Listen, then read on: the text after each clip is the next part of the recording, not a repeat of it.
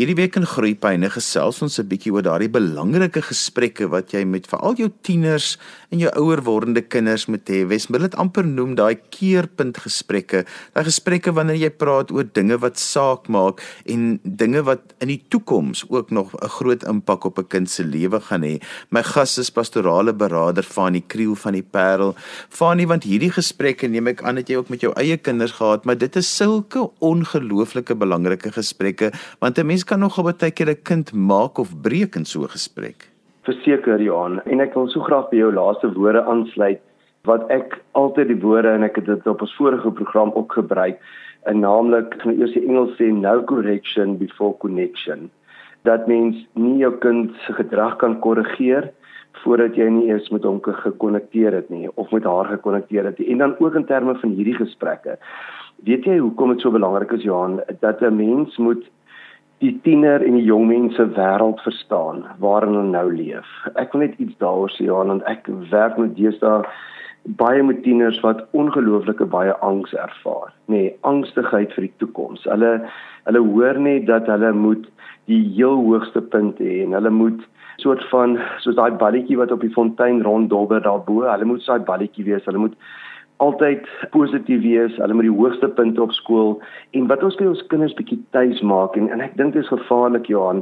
Daar's 'n goed en 'n sleg, maar ek dink ons doen baie keer meer sleg. Asof hulle te sê daar's 'n lang ry wat wag vir die tredmil en as jy nie meer dit kan maak op die tredmil en jy val af of jy's nie effektief genoeg of goed of bereik die hoogste sport nie, gaan 'n volgende kind of persoon maar net jou plek kom inneem.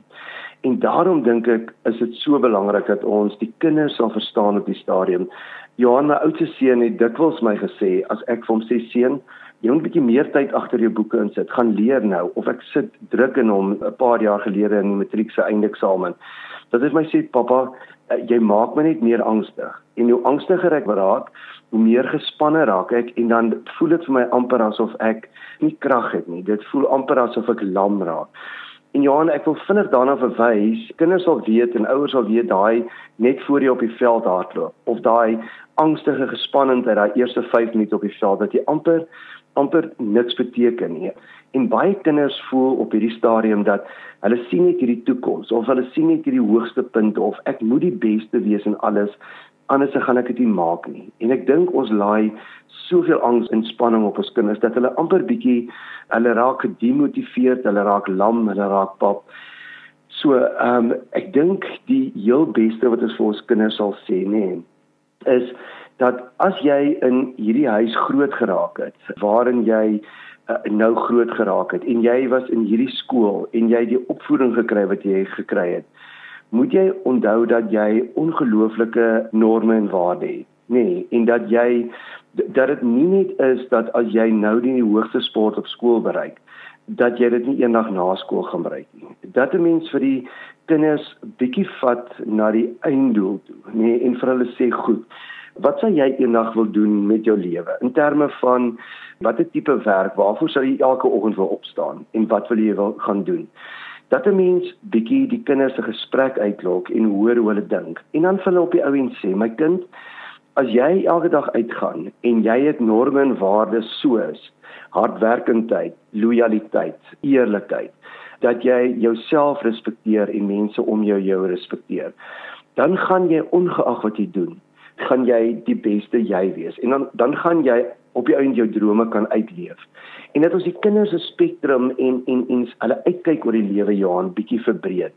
En nie vir hulle sê as jy nou nie die gemiddelde A gekry het nie of jy is nou nie die akademiese reus wat wat kinders om jou is nie.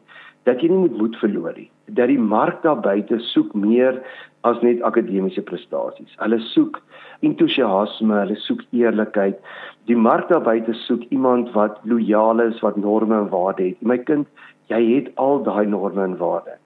En dan wanneer ons met die tieners in hierdie gesprek te doen, dat ons sal besef Johan, ek sê altyd it's a jungle out there. Dit is moeilik. Vandat ons die kind in die oggend by die skool geaflaai het tot vanmiddag het ons hulle weer geoptel, gaan dit baie keer vir hulle net oor oorlewing as die skoolklok lui met watter groepie gaan ek assosieer gaan ek inpas gaan ek geliefd wees gaan ek genoeg maat sê ehm um, want ons kan bietjie later in die program daar praat dat ons moet verstaan dat ons kinders se wêreld en ons wêreld verskil radikaal. 'n Verskil daarin dat ons het al ons eie identiteit opgebou en hulle is nog soekend na hulle eie identiteit. En in hierdie gesprekke waarvan jy nou praat, hierdie soort van ampere baanbrekersgesprek dat ons sal weet ons moet in ons kind se skoene gaan staan en hulle bemagtig en hulle nie verder bang maak of angstig maak vir die wêreld waarin hulle leef nie. Fanny, want ek wil ook een tree teruggee om te sê dat as ouers voel hulle moet so 'n gesprek met hulle kinders hê, is daar ook baie keer angs by die ouers dat hulle nie altyd gaan verstaan of gaan weet hoe om hierdie gesprek aan te pak nie. Jy's reg. En dit is hoekom ek sal sê gaan sit by jou kind en gaan begin net eers gesels. Kyk, hulle sal ons baie keer vir jou antwoorde gee Johan en dis ons uitdaging soos hoe was jou dag by die skool vandag? Nee, lekker. Hoe het jy geskryf? Nee, lekker. Ehm, um, hoe gaan dit met jou? Nee, dit gaan oukei. En dan het hulle eintlik hierdie diepe worstelings binne in hulle. So ek wil gou-gou teruggaan na wat Kinneman gesê het. Hy is by die Barna Assosiasie in Amerika. David Kinneman en hulle is een van die die groot maatskappye maar wat die um, civil society nee, hulle gaan ondersoek dit. Nie staatsdienste nie, maar goed so skole, kerke, al hierdie goed in die, in die gemeenskap. En hulle het bevind David Kinneman, die een ding van die wêreld waarin ons nou leef, is dat tieners en jong mense uh, they've got a failure to launch Met ander woorde, hulle sukkel om uit jou huis uit te kom. Kyk, toe ons kinders was, was 18 amper die skeidslyn. Nee, uh, op 18 is jy die huis uit, jy het of gaan werk soek of jy het verder studeer of jy is weermag toe of jy het iets gaan doen of jy het gaan oupe oor see of wat ook al. In die jeug van vandag, um, they have a failure to launch. Dis asof hulle nie van die vliegtuigskip afkom met hulle vliegtuig. Dis hulle hulle kom nie uit jou huis uit nie. Ons sal baie keer ervaar dat kinders en jong mense bly amper nog tot op 5, 6, 7, 28 in ons huise. En dit skep 'n onnatuurlike situasie, uh, Johanne, 'n situasie waar ouers voel my kind um, is slap, hulle doen nie wat hulle moet doen in hierdie lewe nie. Hulle kom nie aan die werk nie. Hulle hulle is nie so go-getter soos wat ek was nie, maar dit het baie uit te waai met die onsekerheid waarin kinders leef en dat daar nie die werke is beskikbaar is wat ons gehad het toe ons begin het of dat jy nie maar net met 'n gemiddelde C uh, by universiteit kon inkom by 'n college nie. En daarom is daar amper 'n uitsigloosheid by kinders. En dit bring nou angs by ouers. En die enigste ding wat ons ken Johan en waarmee ons groot geraak het is nou om soort van druk op ons kinders te sit of om te sê maar jy moet net daar buite kom en gaan begin doen net iets. So ek dink die heel belangrikste vir jou kind is is dat hy sal weet jy is in sy hoek. Dat sy sal weet dat mamma verstaan my en verstaan dat ek is gespanne of angstig en en en ek sukkel om daar buite dit gaan te gaan maak. Want, want jy sien ons het ook baie keer die benadering Johan dat ons moet ons kinders daai spreekwoordelike stootjie net gee nê sodat hulle kan afspring jy weet in die water. Ons ons moet nou net vir hulle half in die diep kant ingooi maar nie alle kinders werk so nie. Uh, dat ons eerder sal gaan met 'n gesprek hierdie connection weer en sal agterkom maar wat is dit wat jou kind nie help op hierdie stadium? Wat is die vrese wat jou kind het? Hoekom voel hulle so onseker? Hoekom sukkel hulle om dit te maak daar buite? En dat jou kind sal begin agterkom maar jy gaan hom nie net druk of haar druk nie, maar jy is langs hom of haar en en jy gaan hierdie diep gesprekke met hulle begin voer. En dan Johan, dink ek as ons dan nou hierdie gesprekke met ons kinders voer, is die volgende beginsel geweldig belangrik, nê. Nee.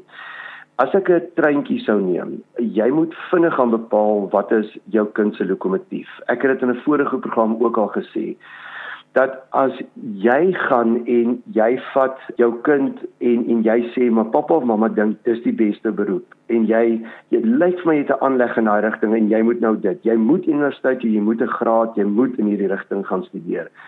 Dan raak jy jou kind se lokomotief voor in die treintjie. En dan gaan jy hom of haar altyd moet trek en altyd moet druk en altyd moet stoot om in 'n rigting te gaan. Maar as jy met jou kind in 'n gesprek gaan en jy kom agter maar hoe dink sy of haar kop Wat is vir hulle belangrik? Wat wil hulle eendag met hulle lewe gaan doen? En jy vat hulle lokomotiefie en jy sit dit voor aan die trein. En jy bemagtig jou kind om die treintjie te trek met hulle energie en met hulle drome en wat hulle wil gaan doen. Dis die beste ding wat jy vir jou kind kan doen. Dat jy saam met hulle hulle identiteit ontwikkel en dan ook hulle keuses vir die lewe dat jy nie teen hulle sal werk nie, maar saam met hulle sal werk. Fanny, want dit is belangrik dat jy nou nie hulle lokomotief met jou drome en dit wat jy graag in die lewe wou bereik het, maar nie kon bereik het nie, sal verf nie. Verseker. En en dit is juist die punt wat ek wil maak. Want onthou gou die ander fout wat ons baie keer maak in ons gesprekke met ons jong mense, ehm um, Johan, is dat ons dink ons kinders is so samevoeging, né? Nee? So 50% van jou en 50% van jou vrou en baie keer hoop ons nog dis nog so 80% van ons 20% van ons lewensmaat. Ons kinders is autonome wesens. Hulle is unieke mense. Hulle het drome en hulle het sekere sê nou maar persoonlikheidseienskappe wat jy of jou vrou nie het nie en hulle beroepe hoef nie noodwendig naby in jou beroep of jou vrou of 'n samevlansing daarvoor te wees nie. Dit kan 'n totale al unieke beroep wees. En dat wanneer jy sekere eienskappe in jou kind ontdek en jy gaan daarop fokus, met ander woorde om jou term te gebruik, jy gaan hulle lokomotiefie met jou verf verf, gaan jy ervaar dat jou kind gaan dit hulle nie dat hulle dit gaan maak nie, maar hulle gaan nie energie hê nie en en jy gaan gedurig hulle moet dryf. So hierdie gesprek waarvan ons vanoggend praat Johan, wat jy gaan sit met jou kinders. En ek dink ook om te sê volgende sien nie 'n eenmalige gesprek nie. Ek dink die woord dis 'n reis of is 'n journey en dat jy die hele tyd jou kind sal ontdek. As ek miskien net 'n vinnige voorbeeld kan vat van ons middelseun wat op hierdie stadium graad 12 is. So hy wil 'n unieke werk gaan begin eendag wat ek en my vrou amper nie eens aangedink het nie. En toe het hy nou so 'n skool en vakansiewerk begin kry. Johan en toe hy sy eerste finansies begin inkry, toe vra ek vir hom waar sy geld want ek sien hy het niks meer geld nie. Toe het hy dit gaan belê um, in aandele by een of twee groot besighede. Jong mense dink anders as ons dink rondom finansies en werk en goed en en hierdie kind vir my is so uniek dat ek kan hom rem as ek nie regtig gaan en al my vooropgestelde idees en al my stereotipering oor die toekoms dat ek dit begrawe en dat ek by hom gaan sit en hoor wat is sy drome en dat ek saam met hom kan dink rondom sy drome. Fanny, maar jy het ook gesê dat dit so belangrik is dat ons moet gesels daaroor dat my en my kind se wêrelde so verskil. Johan en ek wil dit aan die lig doen van die drie fases van waarin ons ons identiteit bou. Ons identiteit is tog so ongelooflik belangrik want dit sê tog vir ons waarin ons belangstel, wie ons is, ons uitkyk in die lewe, ons norme en waardes. Nou die drie fases waarin hierdie identiteit gevorm word. Die eerste fase is van 2 tot 10 jaar oud en dan is my ouers, nê, nee, is my identiteit. So dit sluit ook aan by ons keerpunt gesprek vandag. As my pa 'n brandweerman is, dan wil ek ook gamboot sê en ek wil ook 'n brandweerman wees. Of as my ma 'n haarkapper is, wil ek ook 'n haardoertjie en ek wil ook dit word. En kinders wil wees soos hulle ouers, hulle doen soos hulle ouers en hulle wil ook baie tyd saam met hulle ouers spandeer. En dan gaan jou kind in 'n tweede identiteit, nê, nee, fase van identiteitsvorming en dit is hier van 10 tot ongeveer 18 jaar oud. En dan is die ouers nie meer hulle vaste punt van identiteit nie, maar dan is dit die peer groep, die vriende rondom hulle. En hulle hou jou nog so oor die kant van hulle oog dop, maar eintlik gaan dit oor hulle vriende. En wat is intel daar buite en wat trek my vriende aan? Gaan my vriende oor see gaan om te gaan au pair gaan my vriende sien na my universiteit of college toe en dit gaan baie oor wat my vriende op die stadium doen. En ons moet onthou want vir baie ouers is dit onnigtering. Ouers dink die kind het nou al hulle norme en waardes het hulle nou by die agterdeur uitgevee, nê, nee, want dit is asof hulle meer die die peer groep se norme en waardes aanneem. Maar dit is nie so nie. Hulle gaan toets net hulle huise norme en waardes tussen hulle peer groep of tussen hulle medeskoliere. En daarom in hierdie tyd help dit nie jy sê vir jou kind, man jy's mos uniek. Hoekom wil jy ook nou 'n paar Vans of hoekom wil jy jy ook jou hare nou so dra nie? Uh, die kind het twee vrese in die oggend as hulle opstaan. Een is dat die Wi-Fi kode gaan verander en die ander een is dat hulle nie by hulle peer groep gaan aanpas nie. So jy, dis baie belangrik. Jy moet vir oggend gaan sit en jy moet aansluit of insluit met waar jou kind nou is. En jy moet verstaan dat hulle hulle groep of hulle vriende het 'n ongelooflike groot invloed op hulle. En dan omtrent van 18 tot 28 vind 'n mens baie keer dat 'n mens dink dis amper die maklikste fase in 'n jong mens se lewe, maar dis die fase waar hulle hulle eie identiteit um 'n nat sement en daar na na 'n droë sement gaan plant. En dan is dit nogal 'n krisis hier rondom 3 tot 25 vir jong mense want hulle twyfel baie oor die lewe. Hulle twyfel of hulle die regte besluite vir hulle toekoms of lewensmaat of so gemaak het. En dis hoekom hierdie keerpunt gesprek Johan gaan baie keer herhaal moet word. Dit dit gaan nie net 'n tiener gesprek moet wees nie, maar die gesprek gaan ook na ons jong werkendes of ons ons ons ons jong mense in hulle 20er jare wees. En dan wil ek miskien net terwyl ek nou hiermee besig is, 'n volgende ehm um, iets net op die tafel sit en dit is ons tieners hoef nie altyd al die antwoorde te hê op hierdie stadium nie hier is 'n 'n vrou in die Parel, 'n bejaarde dame wat 'n ongelooflike vrou is en 'n kennis het van kinders. Sy was omtrent seker vir 20 jaar 'n skoolhoof by een van ons skole, seunskole gewees. En sy sê altyd vir al seuns, die roosknoppie gaan eers oop hier van 18 af. Sy sê tot en met daar lyk hulle nog nie so mooi nie, ryk hulle ook nog nie so mooi nie as ek haar terme kan gebruik. En ons hoef nie in daai ouderdom 'n druk op kinders te sit en te sê julle moet nou al kan besluit vir die toekoms nie. Dit weerhou ons nie om einddoel gesprekke met hulle te hê nie en sê vir hulle iets soos my kind, is dit die man by wie jy eendag sou wil kinders hê?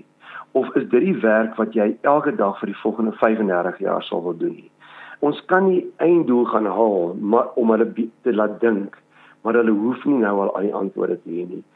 En Johan, saam met dit, moet ons ons kinders ruimte gee. Ons moet 'n vang net onder hulle wees as ouers waar hulle maar kan foute maak.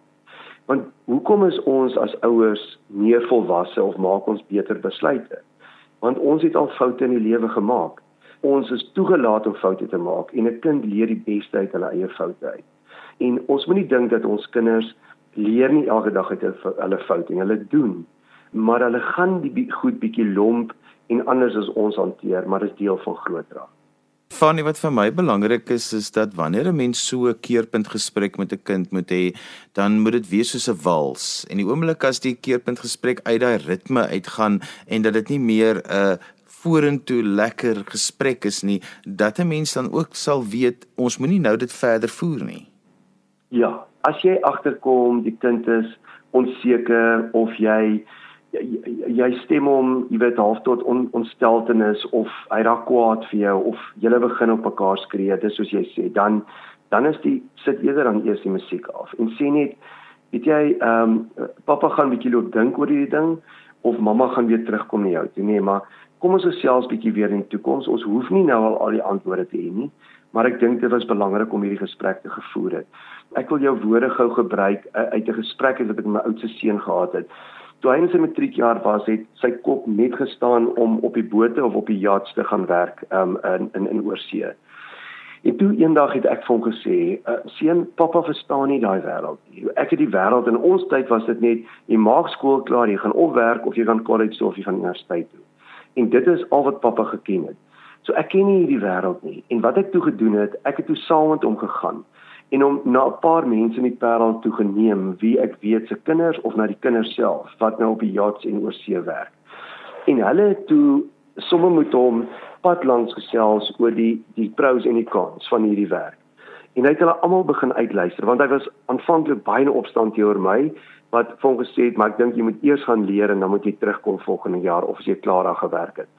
En toe hy al sy inligting bymekaar gekry het, toe ek en hy weer gegaan eendag 'n een rustige gesprek in 'n koffieshop gehad. En ek het vir hom gesê, "Pappa gaan jou ondersteun. Ek is daar vir jou. Enigiets wat jy doen, ek sal vir jou finansies gee en alles om te gaan as jy wil gaan." En toe hy begin agterkom ek gee nie meer van weerstand nie. Het hy op die vir my gesê, "Pappa, ek het nou genoeg inligting. Ek dink ek gaan dit nie meer doen nie." Ehm um, en genoeg van my vriende gaan nou maar volgende jaar studeer en en ek dink ook ek wil in hierdie rigting gaan studeer.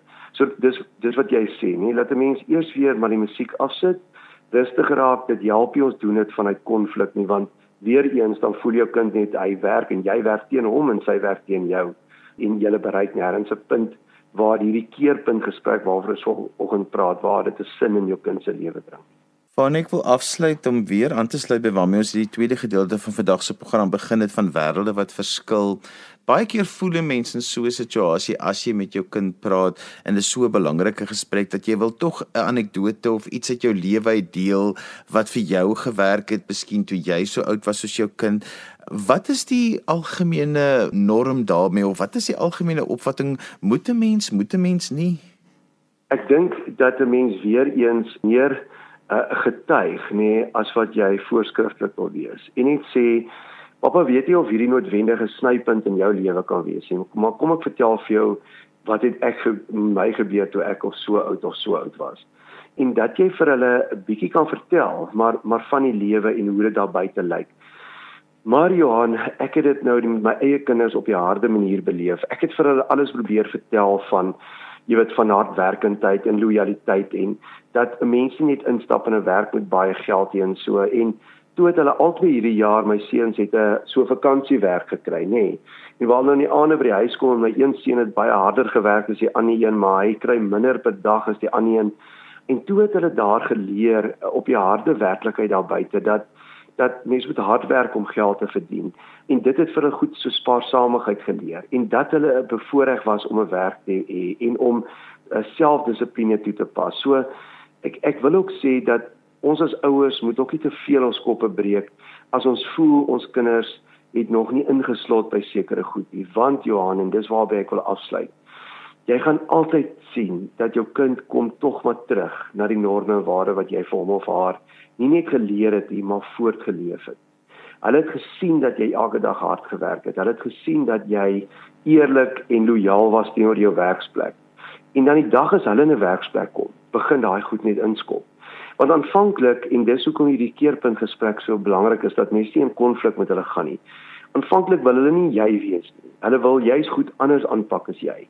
Maar eendag in 'n werksplek sal hulle tog die norme en waardes wat jy vir hulle voortgeleef het. Dit sal hulle neem en dit het hulle aangeleer en vanuit dit sal hulle dan doen ek dink wat reg is in hulle lewe.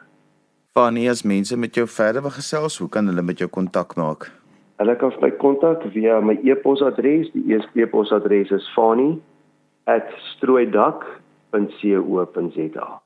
En so gesels Fanie Kriel en hy se pastorale beraader in die Parel. Ons vandag 'n bietjie gesels oor daardie belangrike gesprekke. Ons wil dit keerpunt gesprekke noem wat 'n mens met jou kinders baie keer moet of kan hê. Onthou jy kan weer na vandag se program luister as se potgooi. Laai dit af by resgep.co.za. Skryf gerus vir my e-pos by groeipyne@resgep.co.za. Dan groet ek dan vir vandag tot volgende week van my Johan van Dil. Totsiens.